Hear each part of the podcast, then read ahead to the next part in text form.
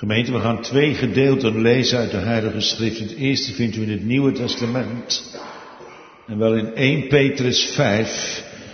En we lezen daar de versen 6, 7 en 8.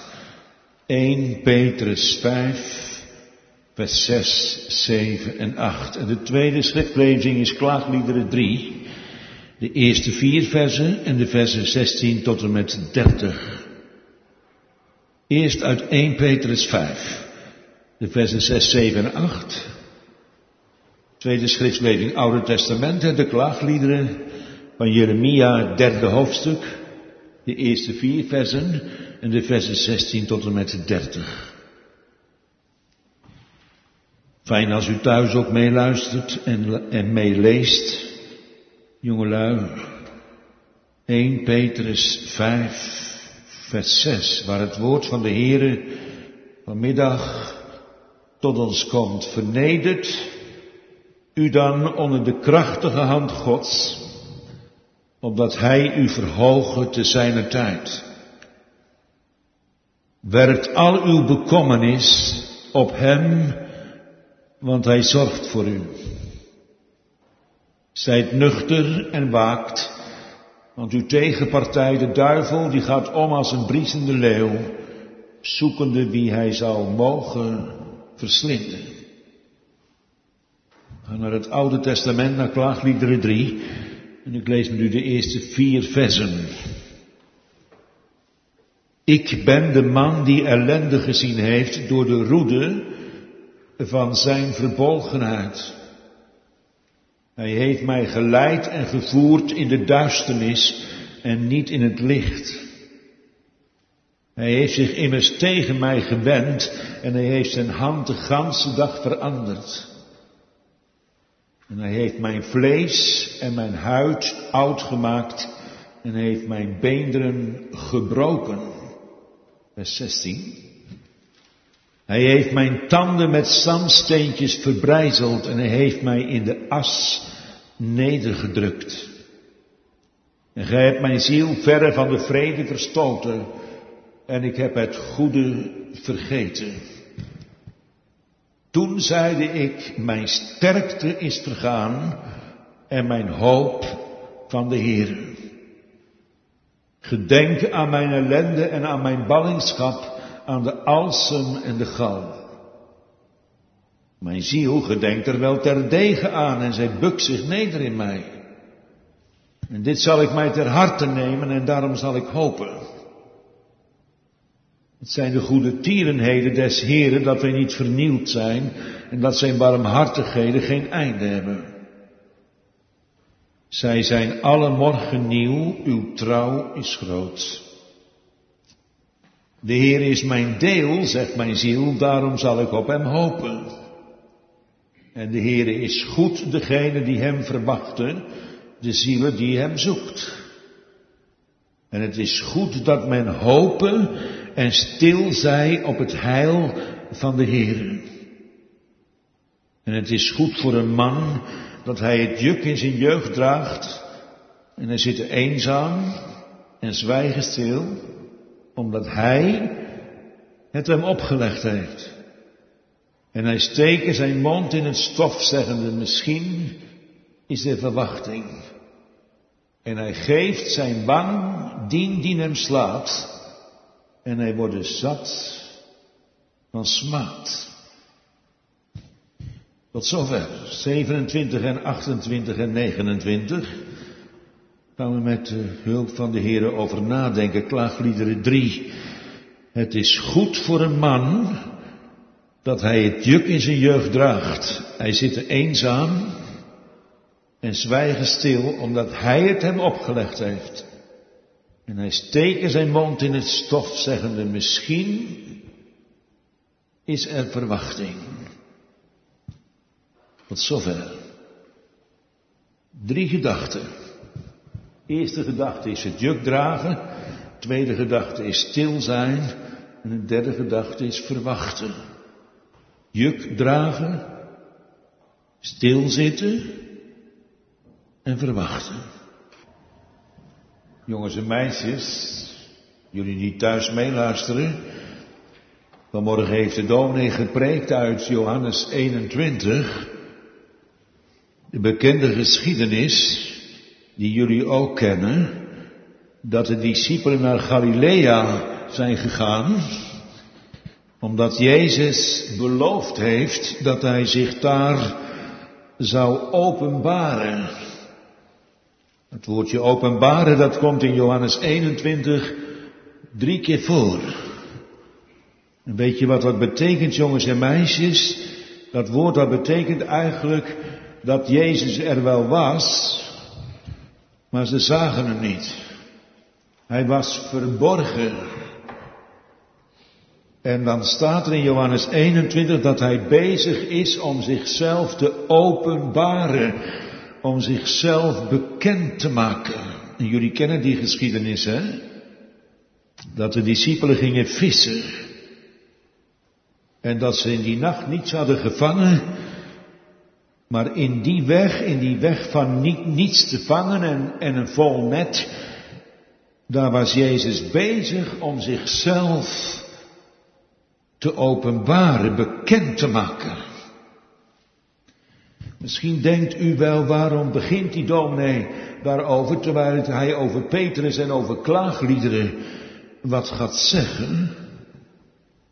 Nou, ik heb natuurlijk net als u ook heel vaak nagedacht, laat ik het oppervlakkig houden, over wat er allemaal in deze weken en maanden zich afspeelt.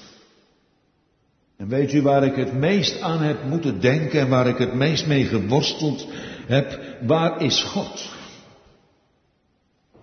En dat is geen nieuwe vraag, dat is een vraag die we in de Bijbel ook heel vaak tegenkomen, maar ook in de geschiedenis. Bijvoorbeeld als het gaat over de oorlog, er is een boek geschreven dat heet Waar was God in Auschwitz? Weet je wel, zes miljoen Joden vermoord. En dat er een klacht, een klacht opging in de wereld, waar was God? Of zoals dat boek wat geschreven is door dominee Overduin, of hel en hemel in Dachau, weet je wel? Hel en hemel. Waar is God? Zelfs de wereld om ons heen, die heeft deze vragen gesteld, soms heel spottend. En hebben zich afgevraagd waarom dat deze dingen gebeuren in de wereld. Er was één cabaretier, iemand die zei van, wat is dit eigenlijk van God? Is dit een grapje? Of een foutje? Of is dit een straf? Of is dit een test? Zo is de wereld, de wereld om ons heen, zelfs ook bezig om erachter te komen, waar is God? En als God er dan is, wat is het dan? Is het dan een straf? Is het een oordeel? Dat vinden we vandaag aan de dag heel moeilijk. Niet alleen andere mensen, maar ik ook. Wat gebeurt er? Wat laat God zien? Wat is Gods bedoeling of zo? Er is mij nog iets opgevallen en misschien u ook wel thuis. Dat we het heel lastig vinden als er vandaag in 2020 gesproken wordt over straf. Dat past schijnbaar niet meer in het beeld van mensen. We zingen het nog wel op hele noten soms. Hij straft ons, maar naar onze zonde niet. Maar als we het over het pandemie hebben en over het virus hebben, dan, dan worstelen mensen met de God van de liefde en de God van de rechtvaardigheid. Een God die straft, is dat eigenlijk nog wel de God die wij eigenlijk willen volgen? Waarom hebben wij het zo moeilijk? Zo moeilijk met al deze vragen. Oordeel, tucht, crisis, kruis, hoe moet je het allemaal benoemen? Nou, we hebben één groot voorrecht. Wij hebben een boek van God gekregen. En dat boek dat staat boordevol, boordevol antwoorden. En ook boordevol vragen als het gaat over wat gebeurt er nou eigenlijk. En niet alleen oppervlakkige godsdienstige mensen hebben geworsteld met die grote vraag, waar is God? Maar ook Gods kinderen. Gods kinderen hebben geworsteld soms met die vraag, waar is God? En dan die vraag, die vraag die ik vroeger nooit van mijn moeder mocht stellen, die vraag ook nog van waarom? Waarom doet God dat? Maar de Bijbel, die geeft antwoord. Die geeft antwoord op al die vragen. En dan blijven we nog voorzichtig. En ik zei in mijn gebed verlegen. Verlegen met de toestand waarin we met elkaar terecht zijn gekomen. We gaan luisteren naar de klaagliederen van Jeremia. We gaan luisteren naar het woord van de Heer als een antwoord op vandaag. En ik garandeer u, u krijgt antwoorden. En er blijven nog genoeg vragen over om te worstelen met God. In de dagen die komen en in de weken en de maanden die komen. Ik wil eerst even iets heel duidelijk zeggen. In Klaagliederen 3, vers 1 tot en met 4 staat iets heel opmerkelijks. Uh, dit gebed, dit klaaglied, dat zou je, dat begint van, ik ben de man die ellende gezien heeft. Natuurlijk is hier de profeet zelf aan het woord. De profeet zelf zegt, ik ben de man die ellende gezien heeft. En dan begint hij al in het eerste vers om te zeggen, ik heb die ellende gezien, die moeite, onder de roede, onder de roede van zijn verbolgenheid. Eenvoudig gezegd, onder de stok van Gods boosheid. Dus God was boos. God was boos op de profeet en God was boos op het volk. En daarom zegt de profeet, ik ben de man die ellende gezien heeft. Want God heeft met zijn stok, heeft hij geslagen. Want God was vertoornd. Ik spreek nu alleen maar na wat er in klaagliederen 1 staat. U moet straks niet zeggen, dominee Simons is aan het invullen of zo. Ik probeer de schrift samen met u te luisteren wat de schrift zegt. Het tweede wat ik wil zeggen van klaagliederen 3 is heel opmerkelijk. In de versen 2 tot en met 4 maar misschien nog wel veel verder, tot en met vers 19. Daar lees je iets opmerkelijks. Bijvoorbeeld in vers 2. Hij, met een hoofdletter, niet omdat het de zin is die zo begint, maar het is ook echt hij met een hoofdletter. Hij heeft mij geleid en gevoerd in duisternis. Wie is dat? Wie is die hij? En jongens en meisjes, als het gaat over kwaad en over duisternis en dan denken we vaak aan de duivel, toch? Jeremia schrijft hier op door de Heilige Geest, Hij, God zelf. God zelf heeft mij persoonlijk geleid en gevoerd in duisternis en niet in het licht. Dat is aangrijpend. Maar dat is niet één vers, zo gaat het al de versen door. Hij heeft zich immers tegen mij gewend. Wie is hij? God. Tegen wie? Tegen Egypte? Nee. Tegen Iran? Ook niet. Maar God heeft zich gewend tegen zijn knecht, de profeet Jeremia. En in de profeet Jeremia tegen zijn volk Israël. Nee, niet tegenover de wereld, maar God was boos verbolgen over Israël en over zijn profeet. En dan zegt hij, hij heeft zich immers tegen mij gewend, de Heer is veranderd. De Heer is een hele andere geworden voor mij, zegt de profeet, als dat hij altijd geweest is. Hij heeft mijn vlees en mijn huid oud gemaakt. Ik heb zoveel ellende en moeite en, en de roede geproefd dat ik er oud van ben geworden.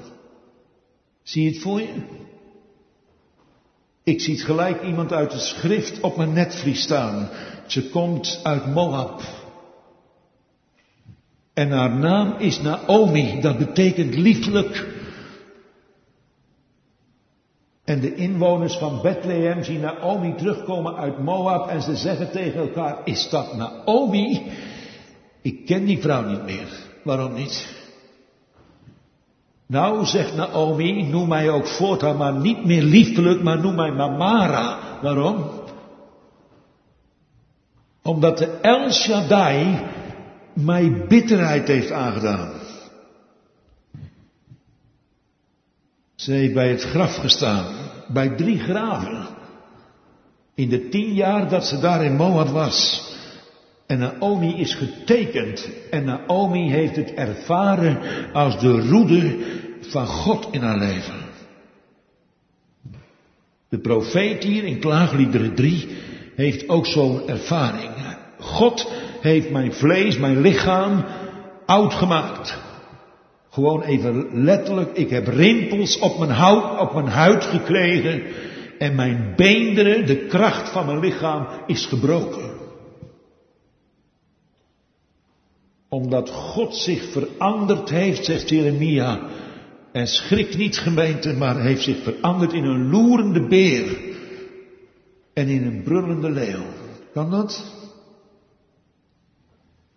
En als je dit hoofdstuk thuis nog eens naleest en met papa en mama straks eens napraat hierover, dan gaat dit, gaat dit gebed, dit lied, gaat naar een climax, naar een hoogtepunt.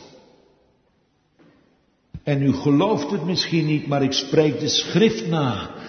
Jeremia komt op een punt dat hij zegt, mijn hoop op de Heere is vergaan.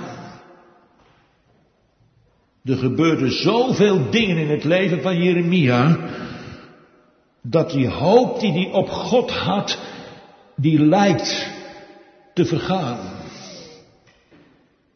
Hij zingt als het ware naar de bodem van een put, waar geen bodem in is. En hij zegt, Heere, door al die dingen die mij overkomen en mijn volk, waar heeft hij het dan over? In de eerste plaats over de ballingschap. Het lijkt er natuurlijk nog niet op wat wij meemaken, maar het gaat bij ons ook straks naar de ballingschap toe. Quarantaine noemen ze dat tegenwoordig. Dat je opgesloten wordt in ballingschap in Iran. En dat je met heimwee terugkijkt naar Jeruzalem en naar Israël. En al die mensen om je heen zijn allemaal onbesneden heidenen. En je bent daar als een balling. In quarantaine. Weg, weg van het heiligdom. Weg van de God van Israël. En al die moeite en al die verdriet die de profeet ervaart en ondervindt. Hij ervaart het als de roede als de tuchtigende hand van God. Ik moet natuurlijk naar mijn tekst. Dat dieptepunt en mijn hoop is op de Heere die is vergaan. Het lijkt wel of dat de profeet daar de bodem raakte, zei ik net. En dan begint er iets te veranderen. Op een dieptepunt, op een dieptepunt in het leven van Jeremia verandert er iets. En ineens zegt hij, daarom zal ik mij ter harte nemen. In vers 21, en ik zal daarop hopen, want ik leef nog. Ik leef nog. Het zijn de goede tierenheden van de Heere. Er begint toch weer, mag ik het zo zeggen, onder het oordeel begint er licht door te breken in het hart van de profeet. Het zijn de goede tierenheden dat ik eigenlijk nog leef, dat ik niet met de grond gelijk gemaakt ben. En dat zijn barmhartigheden nog geen einde hebben. Ze zijn zelfs elke morgen nieuw. Uw trouw is groot. Zon die begint weer omhoog te klimmen. Misschien herkent u dat wel. Hopelijk. Hopelijk ook dat u kent dat er van die momenten zijn en van die dagen, dagen zijn dat je soms aan de grond zit en met je rug tegen de muur staat en geen raad, geen raad meer weet met alles wat er gebeurt. En in vers 24, dan jubelt hij als het ware het uit, terwijl hij zo'n droeve klacht heeft geuit. Dan zegt hij in vers 24, de Heere is mijn deel, zegt mijn ziel. Daarom zal ik op hem hopen. En de Heere die is goed aan degene die hem verwachten. Jeremia krijgt weer hoop en krijgt weer moed. Maar ja, wat moeten wij ermee? En waarom moet Jeremia dit meemaken? Waarom? Nou, om het volk te kunnen onderwijzen. Om het volk te kunnen vertellen waarom dat deze dingen allemaal gebeuren. En dan kom ik bij mijn tekst. In vers 27 zegt Jeremia, die man, die man die zo'n diepe klacht geuit heeft in de diepte van de duisternis van zijn leven, zegt deze man, het is goed voor een man dat hij het juk in zijn jeugd draagt. Als je aan het woordje juk denkt, jongens en meisjes, dan denk je natuurlijk aan het Nieuwe Testament, hè? Waar de Heer Jezus ook over een juk spreekt. Mijn juk is niet zwaar, weet je wel? Die overbekende tekst, kom herwaarts tot mij, alle die vermoeid en belast zijn, en ik zal u rust geven, want mijn juk is niet zwaar. Maar dat juk, dat bedoelt Jeremia niet. Want dat in het Nieuwe Testament is dat juk een beeld dat je, als je in de wegen van de Here mag wandelen, dan is dat een soort juk wat op je schouders legt. Waar de Heer je leidt door dat juk, stuurt hij jou jouw leven. En daar zegt de Heer Jezus van, dat juk dat is niet zwaar. Maar hier in de Hebreeuwse tekst wordt een woord gebruikt wat je ook kan vertalen met oordeel. Of met gericht. Of met het woordje crisis. Het is goed voor een man dat hij het juk in zijn jeugd draagt. Hoe kan dat nou? Hoe kan het nou dat Jeremia kan zeggen dat het goed is om het oordeel, de crisis, of nog wat breder, de tegenslag en de moeite om die te dragen? Hoe kan dat nou goed zijn, jongens en meisjes? Niemand zit toch op ellende te wachten. En niemand zit toch op een oordeel te wachten. En niemand zit te wachten op een pandemie. Maar we hadden het kunnen weten. Als we geluisterd hadden naar de schriften, hadden we er klaar voor moeten zijn dat deze dingen zouden gebeuren. En nogmaals, ik ga u niet moedeloos maken, maar het is nog maar een begin, begin van de smarten. En we hadden erop moeten rekenen. Kind van God, u had er rekening mee moeten houden dat dat juk zou komen, want God heeft het voorzegd. En er komt nog bij, waarom is er zoveel moedeloosheid onder Gods kinderen? En waarom is er zoveel wanhopige gedachten te midden van dit pandemie? Omdat we er geen rekening mee hebben gehouden. Misschien heeft de kerk ook wel gedacht, het gaat weer aardig goed. Hè? Maar we hadden vergeten dat we op weg zijn naar het koninkrijk. En onderweg gebeuren er heel veel dingen. En een van die dingen die onderweg gebeuren, dat is het oordeel, de crisis. En nou zegt de profeet, als je jong bent en je krijgt zo'n juk opgelegd, dan is dat goed als je dat in je jonge jaren leert dragen. Niet omdat het fijn is, en niet omdat het prettig is, en niet omdat het voor je lichaam en voor je geest aangenaam is, maar het heeft iets goeds in zich. Als je dat al jong mag leren om daaronder te buigen, om dat te dragen, dan heeft dat iets goeds voor de toekomst. Daarom is het goed voor een man, niet als hij aan het eind van zijn leven is, maar dat hij aan het begin van zijn leven dat juk krijgt te dragen. Het is goed dat hij het in zijn jeugd draagt. We gaan even zomaar stil kijken wat er nu gebeurt in Nederland en in de wereld. Hoe kan dat goed zijn voor ons? En hoe komt het dat heel veel mensen het niet goed vinden? Ik denk dat heel veel mensen het niet goed vinden omdat ze niet begrijpen waarom dat dit oordeel over de wereld komt. Dat is al één. De een ziet alleen de tuchtigende hand van God erin en die zegt, zie je wel, dat is om al die abortussen. En dat Italië het hardst geraakt wordt, dat komt natuurlijk door het Vaticaan. En zo ervaren mensen het juk. Maar ze hebben niet in de gaten dat ze het over anderen hebben en zichzelf schijnbaar vrijpleiten of zo. Zij zien het nut en de zegen en de goedheid niet in het, in het, in het pandemie wat over ons heen komt. Verschrikkelijk is dat als de kerk, de kerk zo kijkt naar de hand van God. Dat betekent dat we wereldgelijkvormig geworden zijn. We willen voorspoed en we willen salarisverhoging. We willen twee keer in een jaar op vakantie. En we willen natuurlijk een prachtig huis hebben. Maar u moet er rekening mee houden. Geliefde gemeente. Het is het begin van de smart. En ik moet voorzichtig zijn, want ik ben veel te radicaal. Maar dit oordeel is niet meer af te bidden. Maar we moeten leren, we moeten leren. En we moeten iets afleren. En dat is de bedoeling van God. Het is goed voor een man dat hij het juk, het oordeel in zijn jeugd draagt. Waarom?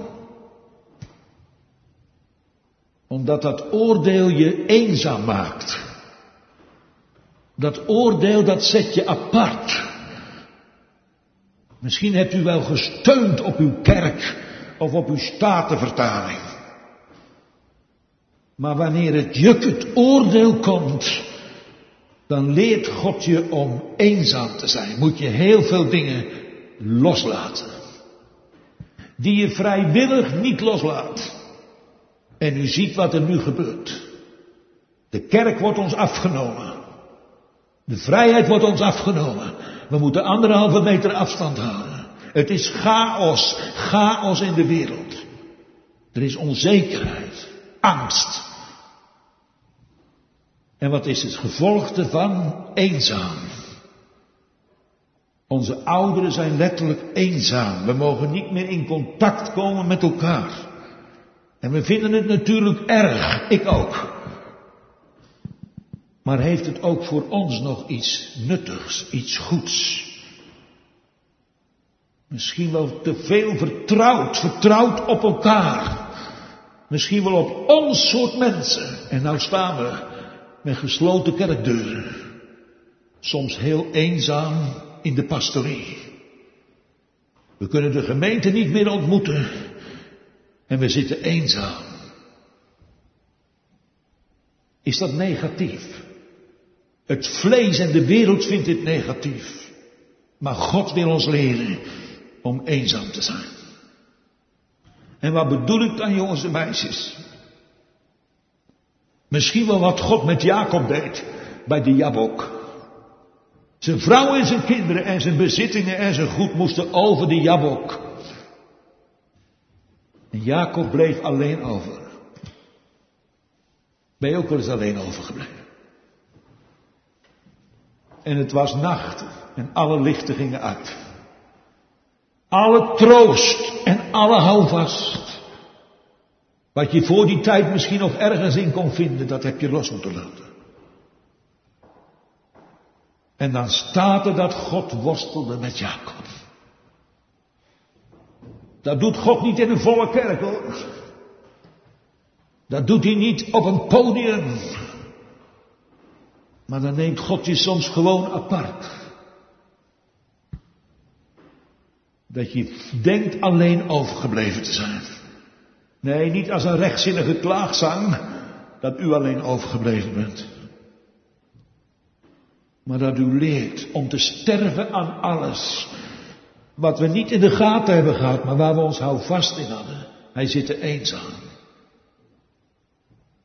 Dat is een les, zegt Jeremia, die heb ik geleerd toen de roede van de Here kwam, toen het oordeel kwam, toen, toen het juk kwam, heb ik geleerd om eenzaam te zijn. U ook gemeente? Als God onze eredienst is voor altijd zal afnemen.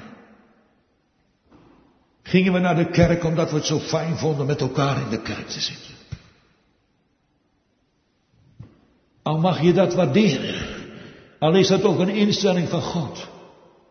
Maar nu wordt ons dit afgenomen en we zitten eenzaam. Waarom doet God dit? Om u te beproeven. Te beproeven of dat u standvastig bent. Wanneer alles je ontvalt. En alle vormelijkheid en alle tradities en alle gewoontes waar we ons zo fijn bij voelden. Dat het ons allemaal wordt afgenomen. Gemeente van Scherpenissen. Broeders, mag ik het u vragen? Bent u het ermee eens? Of bidt u nog om herstel? Hij zit eenzaam. En hij zwijgen stil. Misschien is dat wel het meest lastig in de kerk. We hadden zo'n grote mond. Ik.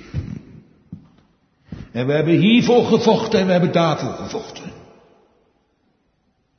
En we wisten het misschien allemaal zo goed uit te leggen. Misschien dachten we heimelijk nog, wij zijn de meest rechtzinnige gemeente. In die hoerenkerk. En dat nu door het juk wat ons opgelegd wordt, de pas die ons afgesneden wordt, dat we moeten leren om onze mond te houden. Ook als het gaat over profiteren. Want de kerk staat schuldig aan profetie. En we denken te weten wat God allemaal precies gaat doen en waar het precies allemaal voor is. Ik weet het niet. Maar om je hand op je mond te leggen. Daar wordt natuurlijk niet alleen mee bedoeld dat je letterlijk liet zwijgen. En er wordt natuurlijk niet mee bedoeld dat je letterlijk geen woord meer mag zeggen of zo. Het heeft iets te maken met je innerlijk. Stil zijn voor God. Niet meer haantje te voorsten. Niet meer in de pen klimmen. Niet meer het openbaar zoeken. Mondje dicht. Buigen. Buigen. Niet meer protesteren en discussiëren. Of vertellen hoe God het doen moet. Maar dat we eenzaam zouden zijn. Stil. En hij zit eenzaam en hij zwijgt stil. Jeremia heeft hiermee geworsteld. Dit heeft hij niet op de universiteit geleerd en ook niet uit de dogmatiek. Jeremia wist uit ondervinding wat het is, mondje dicht. Uitgepraat. Het aanvaarden, het aanvaarden om eenzaam te zijn en te aanvaarden dat God het over ons komen laat. Hij zit eenzaam en hij zwijgen stil. Dit vind ik het wonderlijkste wat er in Klaagliederen 3 staat. Ik hoop ook dat u mij begrijpt zonder woorden. Want hij met een hoofdletter heeft het ons opgelegd. We zeggen wel eens, het wordt je niet door mensen aangedaan. Misschien denkt u wel die minister-president. En misschien denkt u van alles en nog wat en vult u het allemaal al in. Misschien wel naar uw gemaakt bestek. Jeremia, die het zo moeilijk had om dit te accepteren. Om dit te aanvaarden. Mag ik het zeggen? Om het met God eens te zijn. Als hij de kerkdeuren nooit meer open doet, omdat we er zo'n zootje van hebben gemaakt. En of je dan oud gereformeerd bent, of gergerinet, of evangelisch. Maar hij zwijgt stil. En hij zit eenzaam. Omdat God het hem opgelegd heeft. Wie ervaart het zo? Wie ervaart vanmiddag onder de prediking wat ons nu gebeurt in de wereld, dat God ons dit opgelegd heeft? Geen toeval. Niet per ongeluk. Niet omdat God niet machtig is om dit te voorkomen.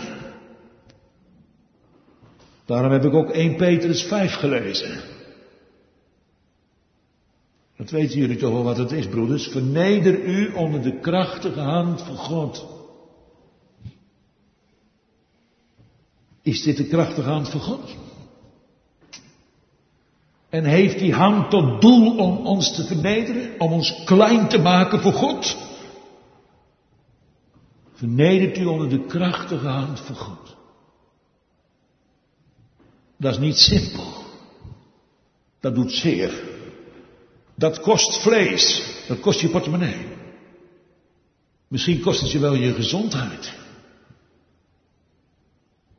Daarom zegt Petrus in die brief, werp al uw bekommernis, al uw zorgen, je had net over zorgen, die komen openbaar, wanneer komen die openbaar? Wanneer het juk op je schouders gelegd wordt, dan komt er openbaar hoe bezorgd je eigenlijk bent.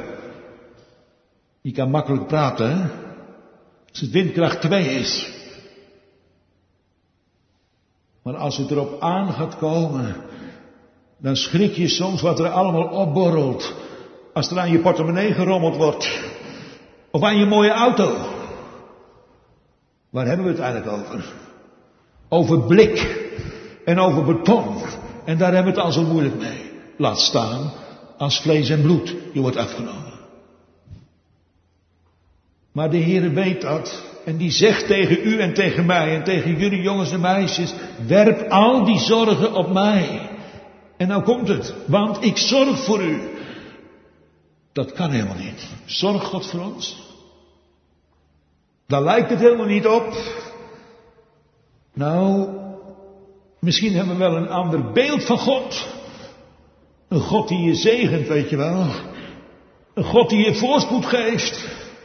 Een God die je redt van de rand van het graf. Die God. Ja, die ook. Maar die ook zorgt.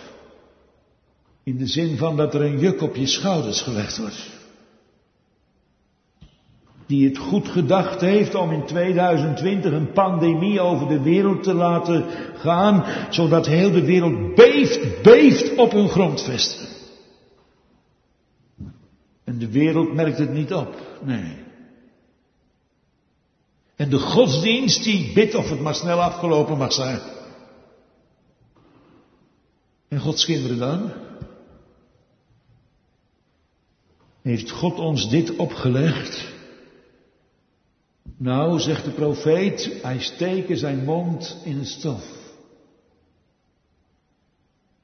Zo'n bijbelse Joodse uitspraak, hè, je mond in een stof steken. Weet je wat dat betekent, jongens en meisjes? Als er in Israël, als daar een koning voorbij komt, hè, zoals Johannes de Doper een wegbereider was, een wegbereider voor de Heer Jezus, zo was het in het oosten de gewoonte. Als de koning kwam, ging er een wegbereider vooruit. En die vertelde tegen de mensen dat de koning eraan kwam. En dan gingen ze langs de kant van de weg staan.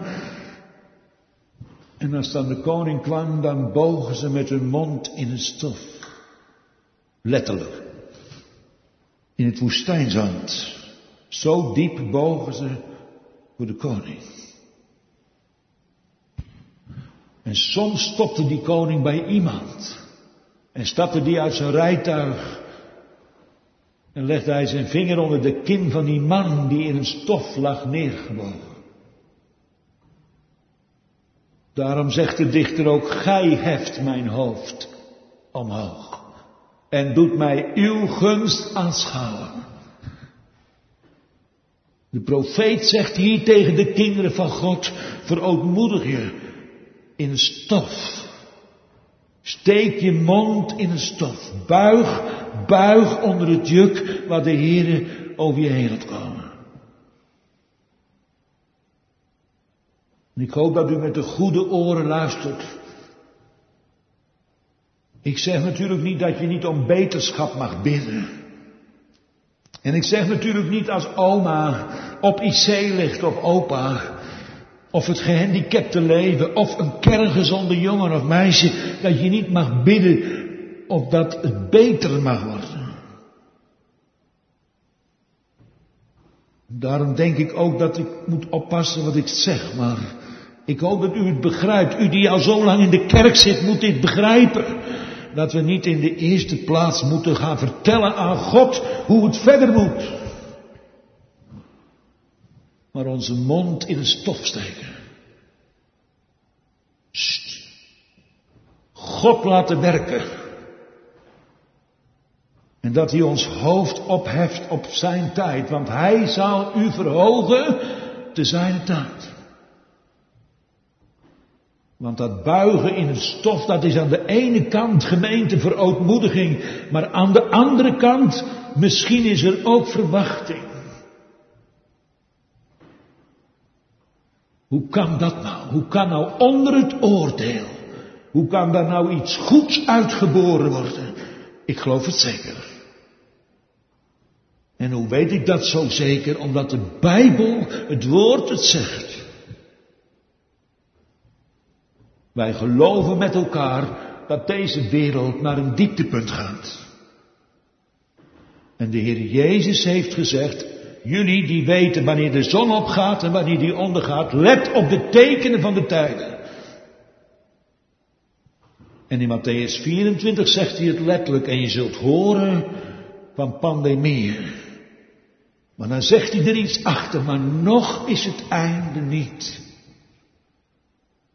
Het zijn het begin van de smarten. Waar gaat het dan naartoe? Is er dan helemaal geen hoop meer? Is er dan helemaal geen verwachting meer te midden van de oordelen van God? Ja, de kinderen van God worden geworpen. Waarop geworpen? Om stil te zijn. En om eenzaam te zijn, afgezonderd. Nee, niet in een klooster gaan zitten, maar dat je afgezonderd wordt van alle wereldgelijkvormigheid. En hij steekt zijn mond in het stof.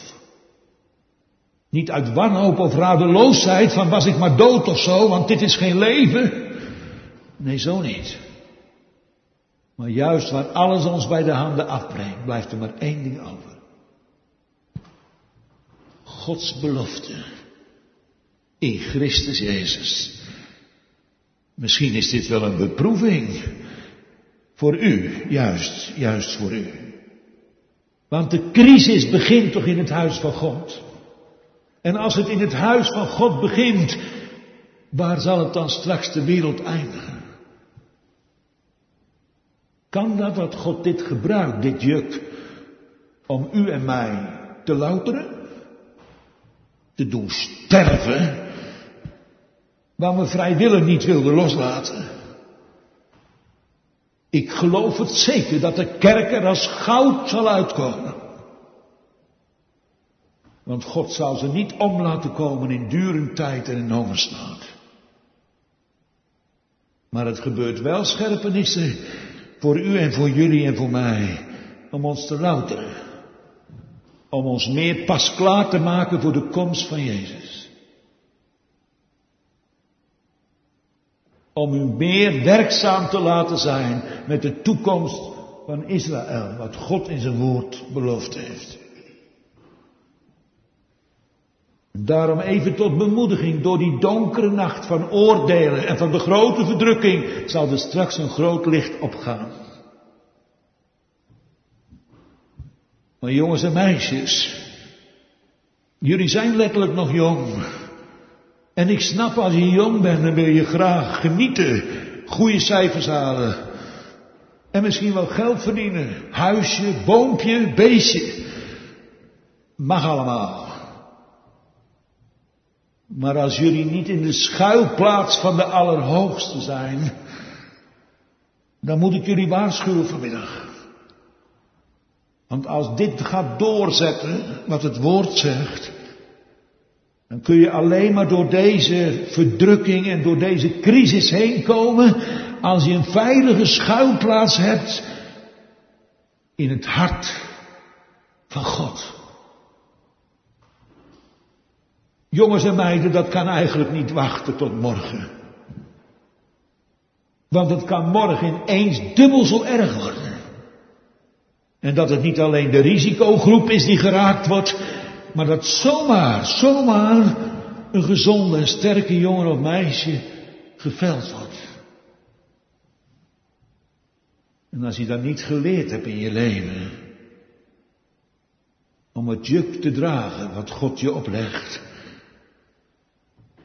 dan kun je boos worden, opstandig, of een trap overal tegengeven en zeggen ik ben er klaar mee, zei iemand van de week. Ik wil die God helemaal niet leren kennen. Ik zeg ik snap het, want je begrijpt niet wie God is. Het is liefde, liefde, echt waar. Opdat je niet met de massa, met de massa verloren gaat. Is dit het goede? Kunnen we dan toch nog ons verblijden in de zon die opgaat zoals vandaag? Terwijl er in New York massagraven worden gedolven. 850. Ja, waarom dan?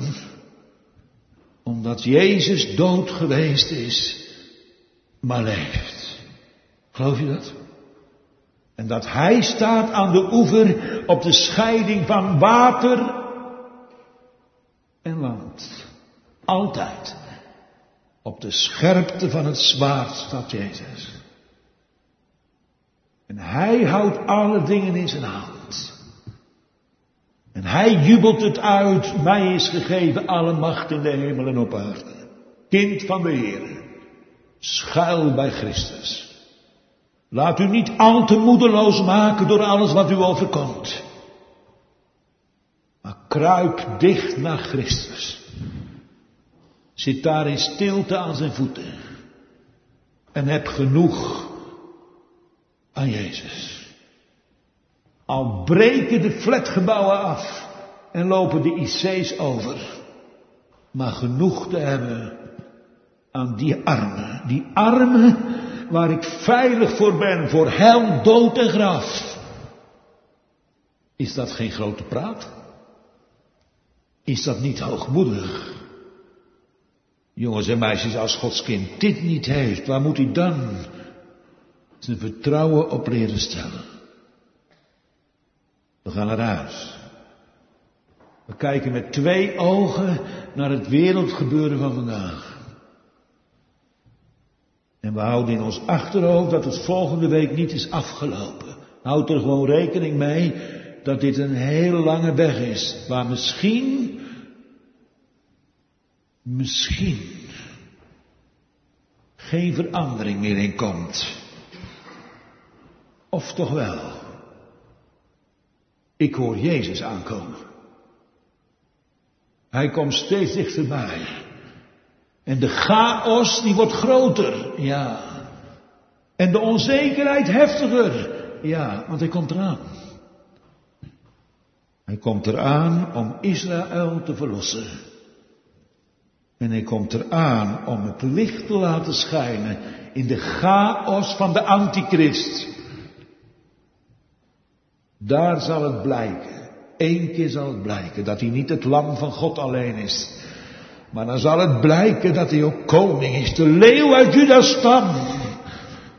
Die de duivel onder zijn voeten geworpen heeft en vertrapt heeft. Dan zal de wereld zien dat Jezus niet alleen het lam van God is, maar dan zal de wereld het zien dat hij ook koning is, die regeert tot in alle eeuwigheid. Amen.